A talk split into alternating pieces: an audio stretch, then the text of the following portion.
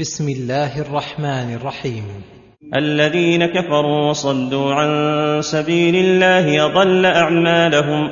هذه الآيات مشتملات على ذكر ثواب المؤمنين وعقاب العاصين والسبب في ذلك ودعوة الخلق إلى الاعتبار بذلك.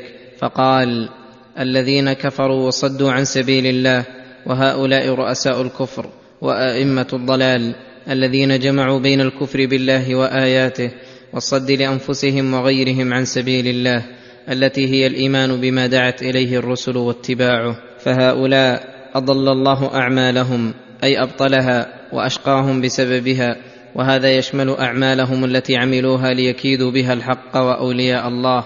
أن الله جعل كيدهم في نحورهم فلم يدركوا مما قصدوا شيئا. وأعمالهم التي يرجون أن يثابوا عليها أن الله سيحبطها عليهم. والسبب في ذلك أنهم اتبعوا الباطل وهو كل غاية لا يراد بها وجه الله من عبادة الأصنام والأوثان والأعمال التي في نصر الباطل لما كانت باطلة كانت الأعمال لأجلها باطلة.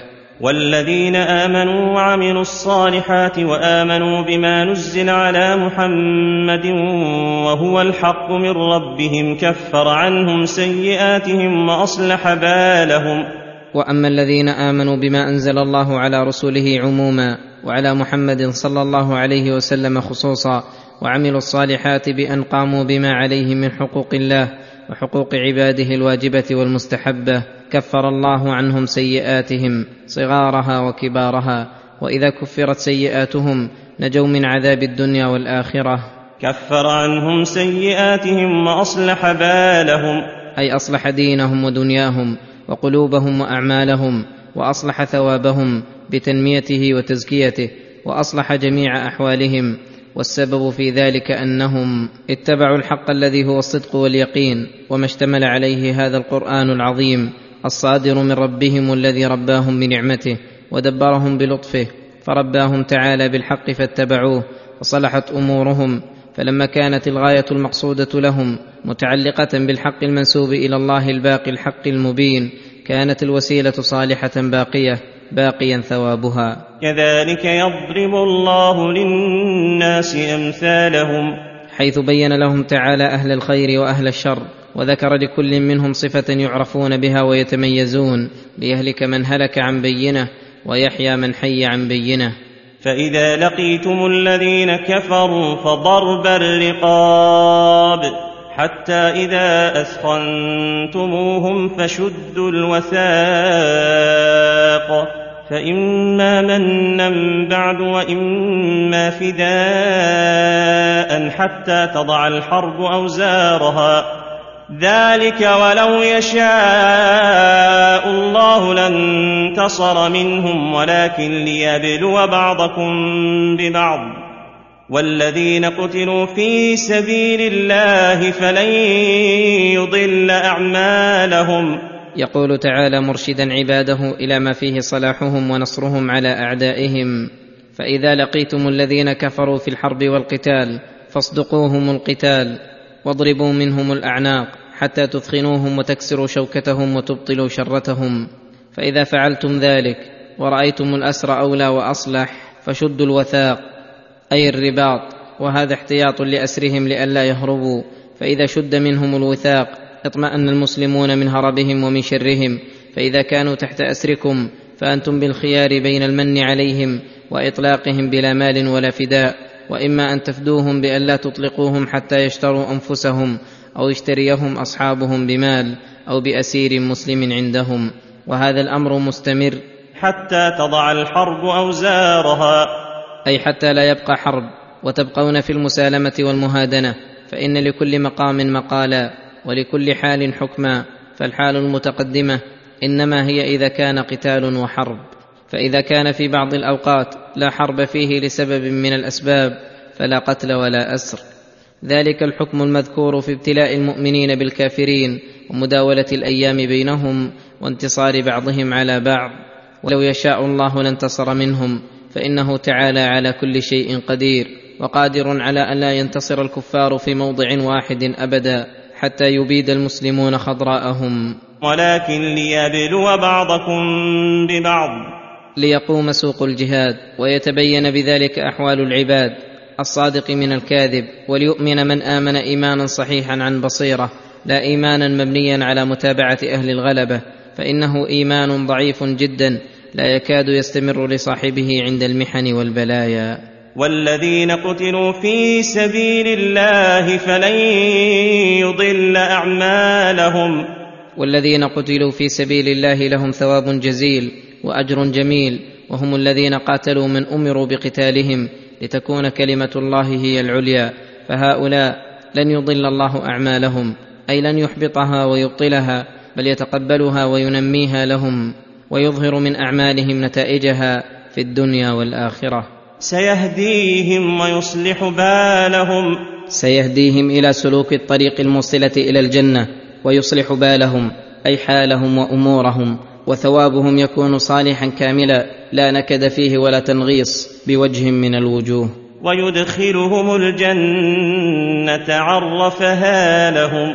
أي عرفها اولا بأن شوقهم إليها ونعتها لهم وذكر لهم الأعمال الموصلة إليها التي من جملتها القتل في سبيله ووفقهم للقيام بما أمرهم به ورغبهم فيه ثم إذا دخلوا الجنة عرفهم منازلهم وما احتوت عليه من النعيم المقيم والعيش السليم. يا أيها الذين آمنوا إن تنصروا الله ينصركم ويثبت أقدامكم.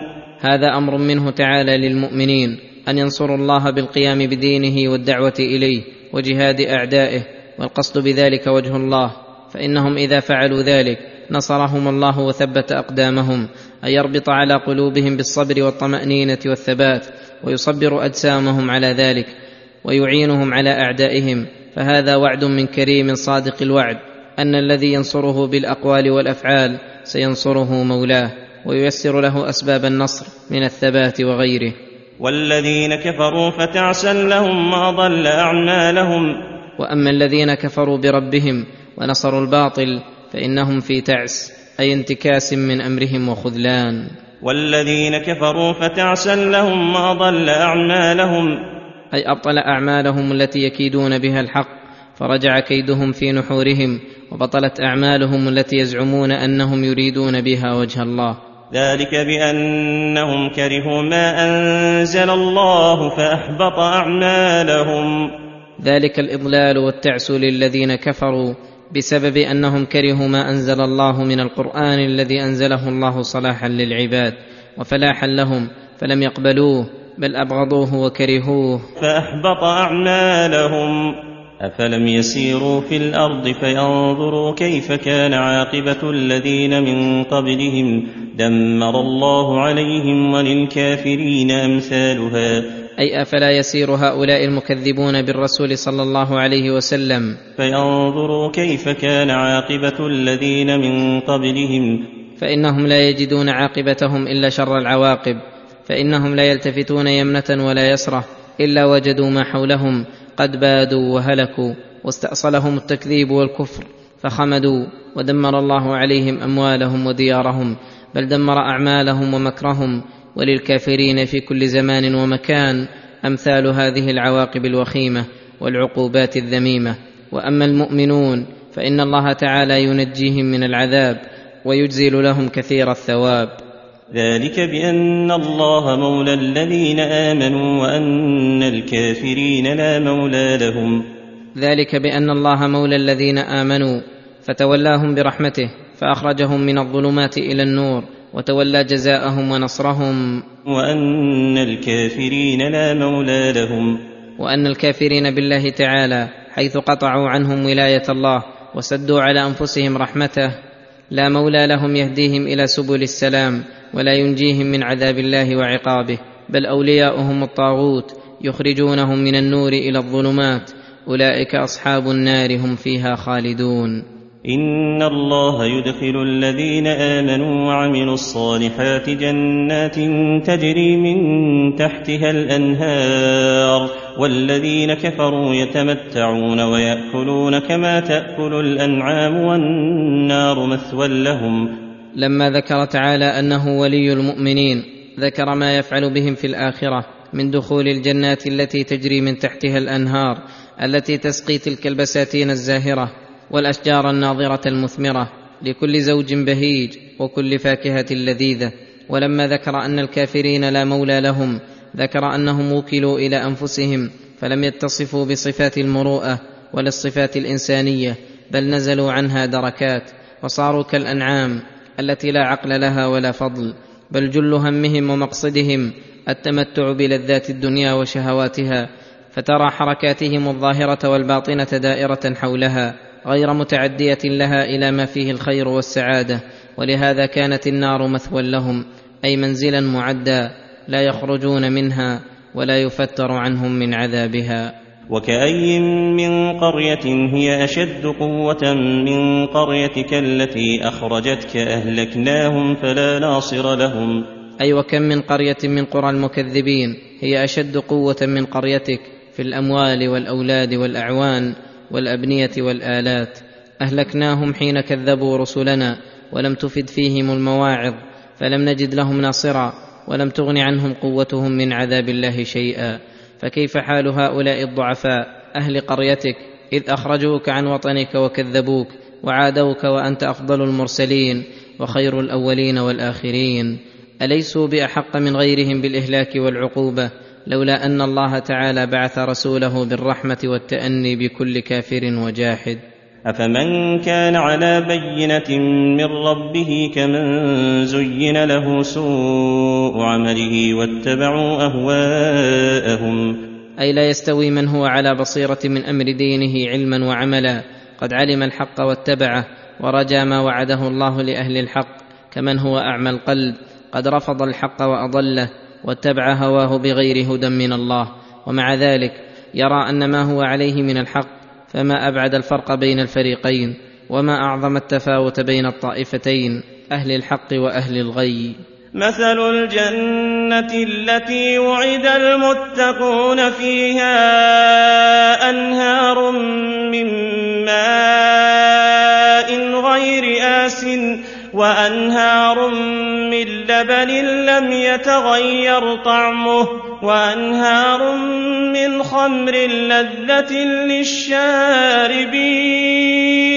وأنهار من عسل مصفى ولهم فيها من كل الثمرات ومغفرة من ربهم كمن هو خالد كمن هو خالد في النار وسقوا ماء حميما. وسقوا ماء حميما فقطع أمعاءهم.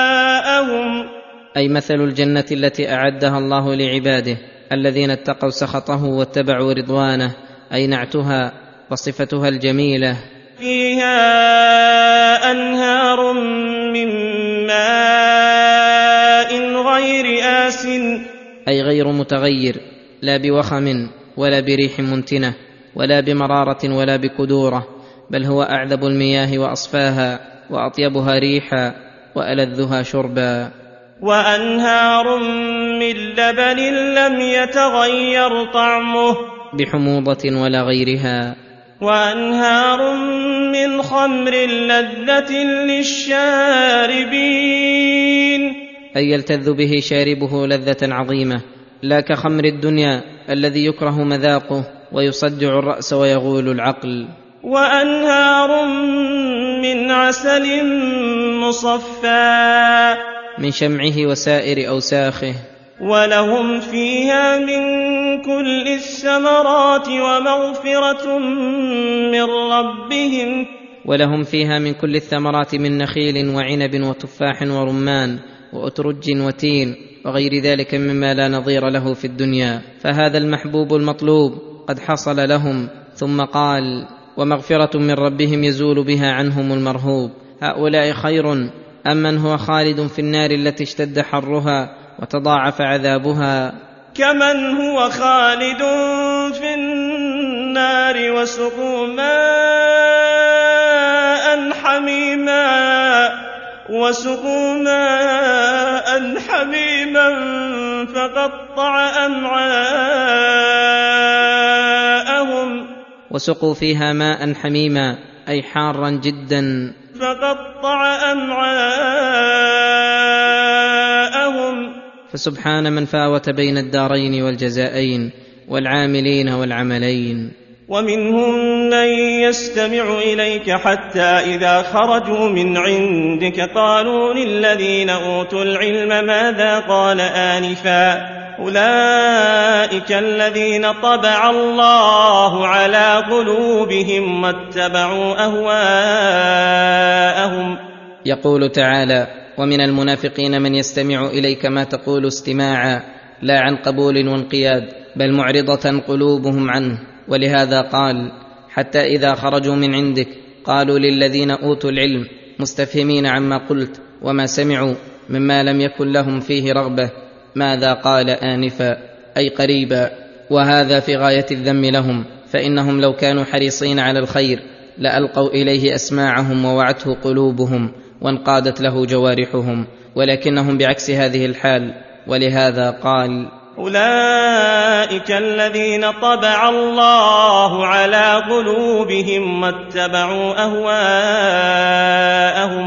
أي ختم عليها وسد أبواب الخير التي تصل إليها بسبب اتباعهم أهواءهم التي لا يهوون فيها إلا الباطل. ثم بين حال المهتدين فقال والذين اهتدوا زادهم هدى وآتاهم تقواهم. والذين اهتدوا بالإيمان والانقياد واتباع ما يرضي الله زادهم هدى شكرا منه تعالى لهم على ذلك. وآتاهم تقواهم. أي وفقهم للخير وحفظهم من الشر. فذكر للمهتدين جزاءين العلم النافع والعمل الصالح. فهل ينظرون إلا الساعة أن تأتيهم بغتة فقد جاء أشراطها فأنى لهم إذا جاءتهم ذكراهم. أي فهل ينظر هؤلاء المكذبون أو ينتظرون إلا الساعة أن تأتيهم بغتة؟ أي فجأة وهم لا يشعرون. فقد جاء أشراطها. أي علاماتها؟ الدالة على قربها. فانى لهم إذا جاءتهم ذكراهم. أي من أين لهم؟ إذا جاءتهم الساعة وانقطعت آجالهم أن يتذكروا ويستعتبوا. فقد فات ذلك وذهب وقت التذكر. فقد عمروا ما يتذكر فيه من تذكر وجاءهم النذير. ففي هذا الحث على الاستعداد قبل مفاجأة الموت فإن موت الإنسان قيام ساعته. فاعلم أنه لا إله إلا الله. فاعلم أنه لا إله إلا الله واستغفر لذنبك وللمؤمنين والمؤمنات. والله يعلم متقلبكم ومثواكم.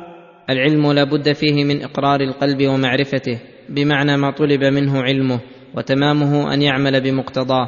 وهذا العلم الذي أمر الله به وهو العلم بتوحيد الله فرض عين على كل إنسان لا يسقط عن أحد كائنا من كان.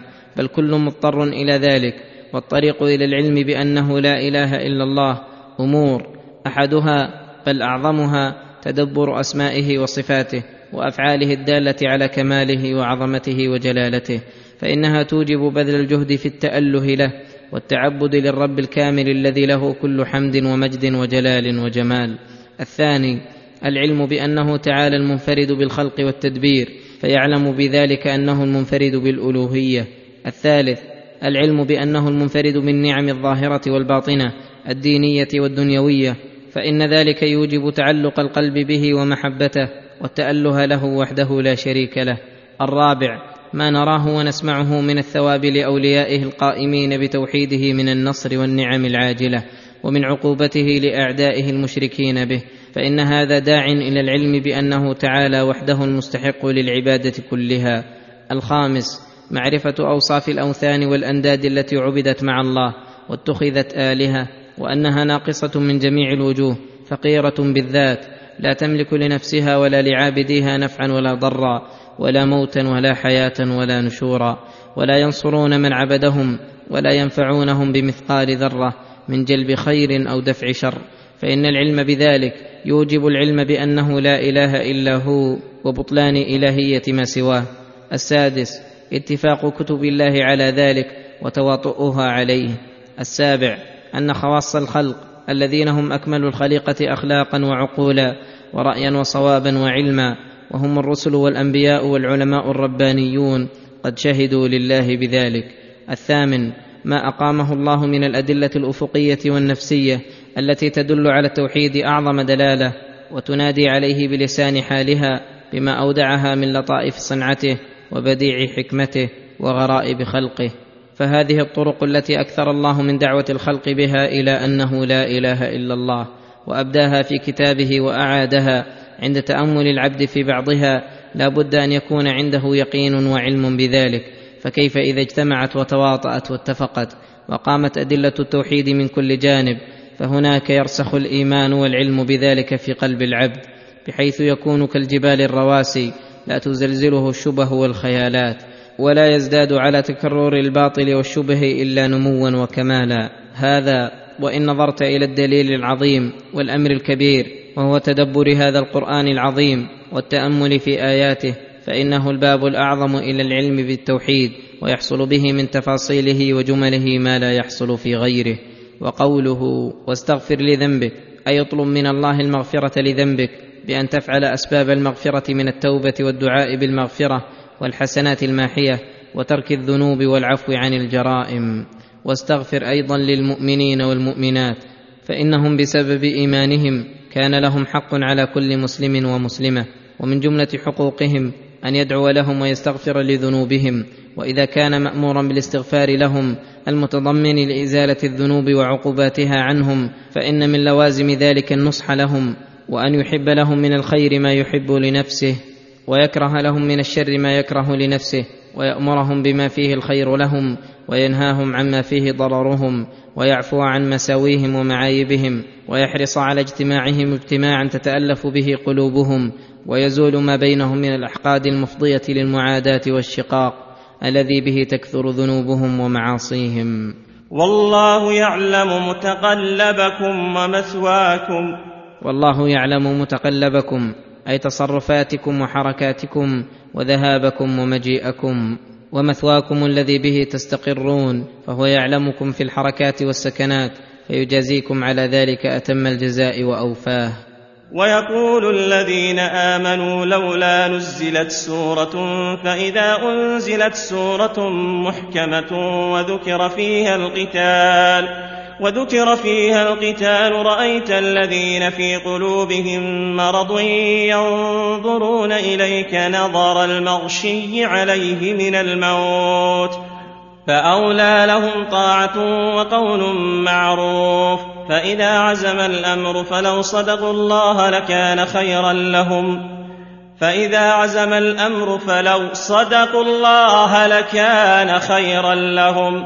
يقول تعالى ويقول الذين آمنوا استعجالا ومبادرة للأوامر الشاقة لولا نزلت سورة أي فيها الأمر بالقتال فإذا أنزلت سورة محكمة أي ملزم العمل بها وذكر فيها القتال الذي هو أشق شيء على النفوس لم يثبت ضعفاء المؤمنين على امتثال هذه الأوامر. ولهذا قال رأيت الذين في قلوبهم مرض ينظرون إليك نظر المغشي عليه من الموت. نظر المغشي عليه من الموت من كراهتهم لذلك وشدته عليهم. وهذا كقوله تعالى ألم تر إلى الذين قيل لهم كفوا أيديكم وأقيموا الصلاة وآتوا الزكاة؟ فلما كتب عليهم القتال إذا فريق منهم يخشون الناس كخشية الله أو أشد خشية ثم ندبهم تعالى إلى ما هو الأليق بحالهم فقال فأولى لهم طاعة وقول معروف. أي فأولى لهم أن يمتثلوا الأمر الحاضر المحتم عليهم ويجمعوا عليه هممهم ولا يطلبوا أن يشرع لهم ما هو شاق عليهم وليفرحوا بعافية الله تعالى وعفوه. فإذا عزم الأمر فلو صدقوا الله لكان خيرا لهم. فإذا عزم الأمر أي جاءهم الأمر جد وأمر محتم ففي هذه الحال لو صدقوا الله بالاستعانة به وبذل الجهد في امتثاله لكان خيرا لهم من حالهم الأولى وذلك من وجوه منها أن العبد ناقص من كل وجه لا قدرة له إلا إن أعانه الله فلا يطلب زيادة على ما هو قائم بصدده. ومنها أنه إذا تعلقت نفسه بالمستقبل ضعف عن العمل بوظيفة وقته وبوظيفة المستقبل. أما الحال فلأن الهمة انتقلت عنه إلى غيره والعمل تبع للهمة. وأما المستقبل فإنه لا يجيء حتى تفتر الهمة عن نشاطها فلا يعان عليه. ومنها أن العبد المؤمل للآمال المستقبلة مع كسله عن عمل الوقت الحاضر شبيه بالمتألي الذي يجزم بقدرته على ما يستقبل من أموره فأحرى به أن يخذل ولا يقوم بما هم به ووطن نفسه عليه فالذي ينبغي أن يجمع العبد همه وفكرته ونشاطه على وقته الحاضر ويؤدي وظيفته بحسب قدرته ثم كلما جاء وقت استقبله بنشاط وهمة عالية مجتمعة غير متفرقة مستعينا بربه في ذلك فهذا حري بالتوفيق والتسديد في جميع أموره. ثم ذكر تعالى حالة المتولي عن طاعة ربه وأنه لا يتولى إلى خير بل إلى شر فقال فهل عسيتم إن توليتم أن تفسدوا في الأرض وتقطعوا أرحامكم أولئك الذين لعنهم الله؟ أي فهما أمران إما التزام لطاعة الله وامتثال لأوامره فثم الخير والرشد والفلاح. وإما إعراض عن ذلك وتول عن طاعة الله فما ثم إلا الفساد في الأرض بالعمل بالمعاصي وقطيعة الأرحام. أولئك الذين لعنهم الله فأصمهم وأعمى أبصارهم. أولئك الذين أفسدوا في الأرض وقطعوا أرحامهم لعنهم الله بأن أبعدهم عن رحمته وقربوا من سخط الله. فأصمهم وأعمى أبصارهم. أي جعلهم لا يسمعون ما ينفعهم ولا يبصرونه فلهم آذان ولكن لا تسمع سماع إذعان وقبول وإنما تسمع سماعا تقوم به حجة الله عليها ولهم أعين ولكن لا يبصرون بها العبر والآيات ولا يلتفتون بها إلى البراهين والبينات. أفلا يتدبرون القرآن؟ ام على قلوب اقفالها أي فهل لا يتدبر هؤلاء المعرضون لكتاب الله ويتأملونه حق التأمل؟ فإنهم لو تدبروه لدلهم على كل خير ولحذرهم من كل شر ولملا قلوبهم من الإيمان وأفئدتهم من الإيقان ولاوصلهم إلى المطالب العالية والمواهب الغالية ولبين لهم الطريق الموصلة إلى الله وإلى جنته ومكملاتها ومفسداتها والطريق الموصلة إلى العذاب وبأي شيء تحذر. ولعرفهم بربهم وأسمائه وصفاته وإحسانه ولشوقهم إلى الثواب الجزيل ورهبهم من العقاب الوبيل. أم على قلوب أقفالها؟ أي قد أغلق على ما فيها من الشر وأقفلت فلا يدخلها خير أبدا. هذا هو الواقع. ان الذين ارتدوا على ادبارهم من بعد ما تبين لهم الهدى الشيطان سول لهم واملى لهم يخبر تعالى عن حاله المرتدين عن الهدى والايمان على اعقابهم إلى الضلال والكفران ذلك لا عن دليل دلهم ولا برهان وانما هو تسويل من عدوهم الشيطان وتزيين لهم واملاء منه لهم يعدهم ويمنيهم وما يعدهم الشيطان إلا غرورا. ذلك بأنهم قالوا للذين كرهوا ما نزل الله سنطيعكم في بعض الأمر والله يعلم إسرارهم. وذلك أنهم قد تبين لهم الهدى فزهدوا فيه ورفضوه وقالوا للذين كرهوا ما نزل الله من المبارزين العداوة لله ولرسوله سنطيعكم في بعض الأمر أي الذي يوافق أهواءهم فلذلك عاقبهم الله بالضلال والإقامة على ما يوصلهم إلى الشقاء الأبدي والعذاب السرمدي. والله يعلم إسرارهم. فلذلك فضحهم وبينها لعباده المؤمنين لئلا يغتروا بها. فكيف إذا توفتهم الملائكة يضربون وجوههم وأدبارهم؟ فكيف ترى حالهم الشنيعة ورؤيتهم الفظيعة إذا توفتهم الملائكة الموكلون بقبض أرواحهم. يضربون وجوههم وأدبارهم بالمقامع الشديدة.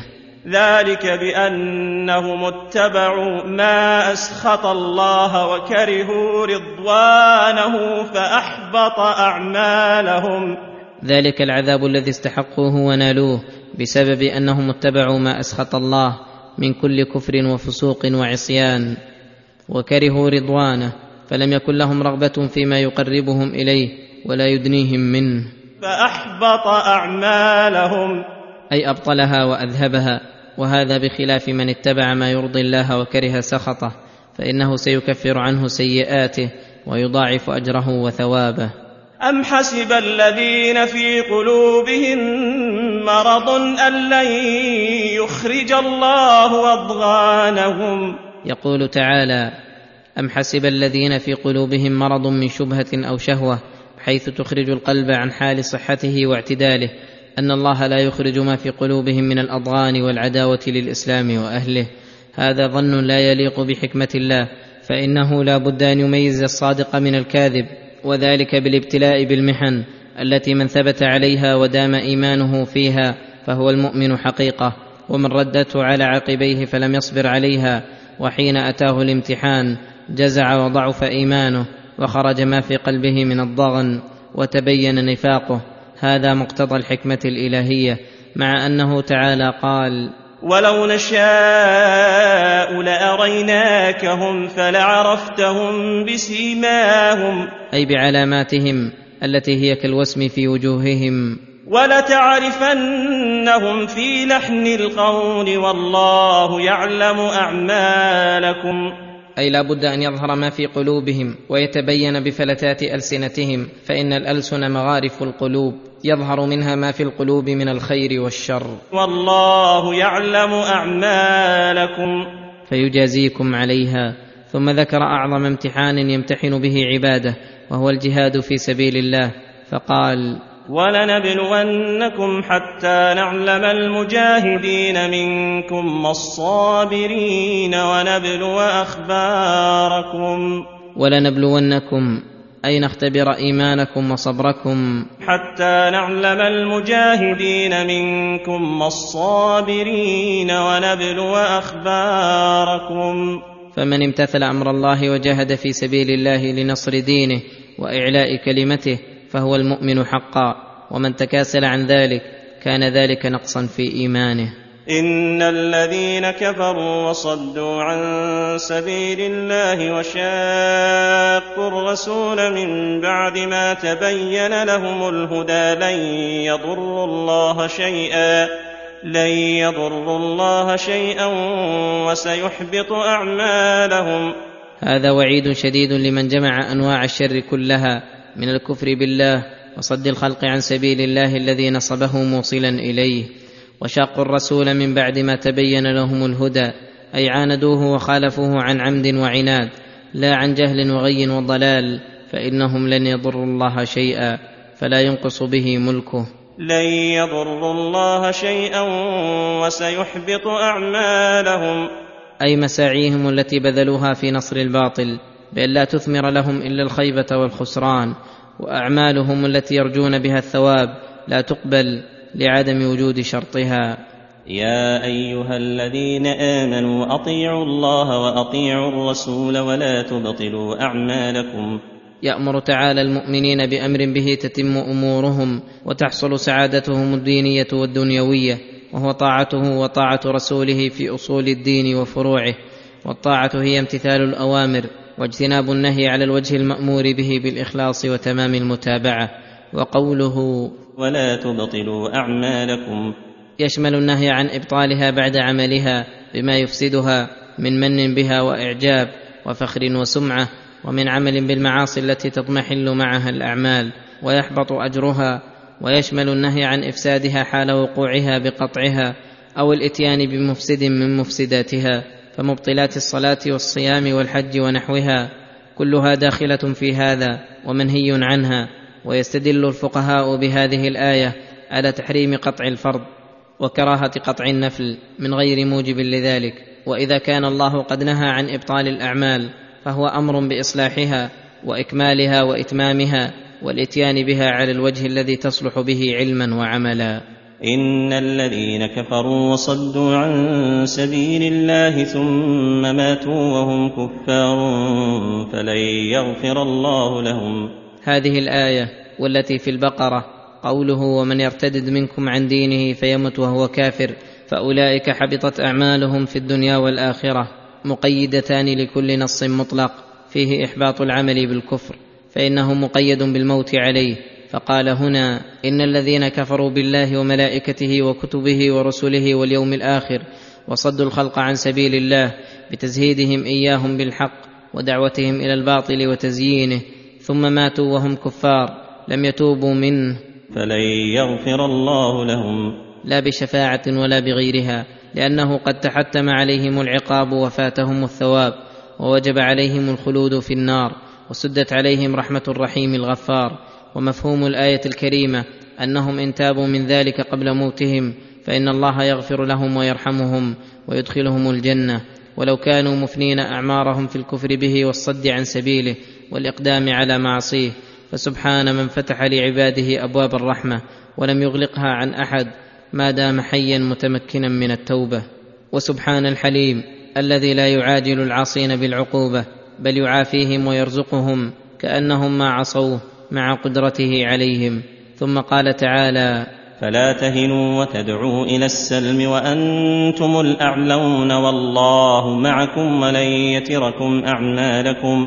فلا تهنوا أي لا تضعفوا عن قتال عدوكم ويستولي عليكم الخوف بل اصبروا واثبتوا ووطنوا أنفسكم على القتال والجلاد طلبا لمرضاة ربكم ونصحا للإسلام واغضابا للشيطان. ولا تدعوا إلى المسألة والمتاركة بينكم وبين أعدائكم طلبا للراحة والحال أنكم وأنتم الأعلون والله معكم ولن يتركم أعمالكم. ولن يتركم اي ينقصكم أعمالكم. فهذه الأمور الثلاثة كل منها مقتض للصبر وعدم الوهن. كونهم الأعلين أي قد توفرت لهم أسباب النصر ووعدوا من الله بالوعد الصادق. فإن الإنسان لا يهن إلا إذا كان أذل من غيره وأضعف عددا وعددا وقوة داخلية وخارجية. الثاني أن الله معهم فإنهم مؤمنون والله مع المؤمنين بالعون والنصر والتأييد وذلك موجب لقوة قلوبهم وإقدامهم على عدوهم. الثالث أن الله لا ينقصهم من أعمالهم شيئا بل سيوفيهم أجورهم ويزيدهم من فضله خصوصا عبادة الجهاد فإن النفقة تضاعف فيه إلى سبعمائة ضعف إلى أضعاف كثيرة. وقال تعالى ذلك بأنهم لا يصيبهم ظمأ ولا نصب ولا مخمصة في سبيل الله ولا يطؤون موطئا يغيظ الكفار ولا ينالون من عدو نيلا إلا كتب لهم به عمل صالح. إن الله لا يضيع أجر المحسنين ولا ينفقون نفقة صغيرة ولا كبيرة ولا يقطعون واديا إلا كتب لهم ليجزيهم الله أحسن ما كانوا يعملون. فإذا عرف الإنسان أن الله تعالى لا يضيع عمله وجهاده أوجب له ذلك النشاط وبذل الجهد فيما يترتب عليه الأجر والثواب. فكيف إذا اجتمعت هذه الأمور الثلاثة؟ فإن ذلك يوجب النشاط التام. فهذا من ترغيب الله لعباده وتنشيطهم وتقوية أنفسهم على ما فيه صلاحهم وفلاحهم. إنما الحياة الدنيا لعب وله وإن تؤمنوا وتتقوا يؤتكم أجوركم ولا يسألكم أموالكم. هذا تزهيد منه لعباده في الحياة الدنيا بإخبارهم عن حقيقة أمرها بأنها لعب وله لعب في الأبدان ولهو في القلوب فلا يزال العبد لاهيا في ماله وأولاده وزينته ولذاته من النساء والمآكل والمشارب والمساكن والمجالس والمناظر والرياسات. لاعبا في كل عمل لا فائدة فيه. بل هو دائر بين البطالة والغفلة والمعاصي حتى تستكمل دنياه ويحضره أجله فإذا هذه الأمور قد ولت وفارقت ولم يحصل العبد منها على طائل بل قد تبين له خسرانه وحرمانه وحضر عذابه فهذا موجب للعاقل الزهد فيها وعدم الرغبة فيها والاهتمام بشأنها. وإنما الذي ينبغي أن يهتم به ما ذكره بقوله وإن تؤمنوا وتتقوا بأن تؤمنوا بالله وملائكته وكتبه ورسله واليوم الآخر وتقوموا بتقواه التي هي من لوازم الإيمان ومقتضياته وهي العمل بمرضاته على الدوام مع ترك معاصيه فهذا الذي ينفع العبد وهو الذي ينبغي أن يتنافس فيه وتبذل الهمم والأعمال في طلبه وهو مقصود الله من عباده رحمة بهم ولطفا ليثيبهم الثواب الجزيل ولهذا قال وإن تؤمنوا وتتقوا يؤتكم أجوركم ولا يسألكم أموالكم. أي لا يريد تعالى أن يكلفكم ما يشق عليكم ويعنتكم من أخذ أموالكم وبقائكم بلا مال أو ينقصكم نقصا يضركم ولهذا قال إن يسألكموها فيحفكم تبخلوا ويخرج أضغانكم.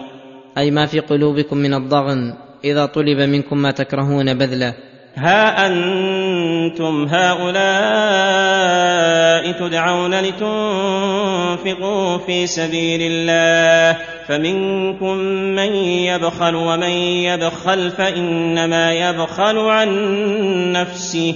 والله الغني وأنتم الفقراء. وان تتولوا يستبدل قوما غيركم ثم لا يكونوا امثالكم والدليل على أن الله لو طلب منكم أموالكم وأحفاكم بسؤالها أنكم تمتنعون منها أنكم تدعون لتنفقوا في سبيل الله على هذا الوجه الذي فيه مصلحتكم الدينية والدنيوية فمنكم من يبخل أي فكيف لو سألكم وطلب منكم أموالكم في غير أمر ترونه مصلحة عاجلة أليس من باب أولى وأحرى؟ امتناعكم من ذلك. ثم قال ومن يبخل فإنما يبخل عن نفسه لأنه حرم نفسه ثواب الله تعالى وفاته خير كثير ولن يضر الله بترك الإنفاق شيئا. فإن الله هو الغني وأنتم الفقراء. والله الغني وأنتم الفقراء. تحتاجون إليه في جميع أوقاتكم لجميع أموركم. وإن تتولوا عن الإيمان بالله وامتثال ما يأمركم به. وإن تتولوا يستبدل قوما غيركم ثم لا يكونوا أمثالكم.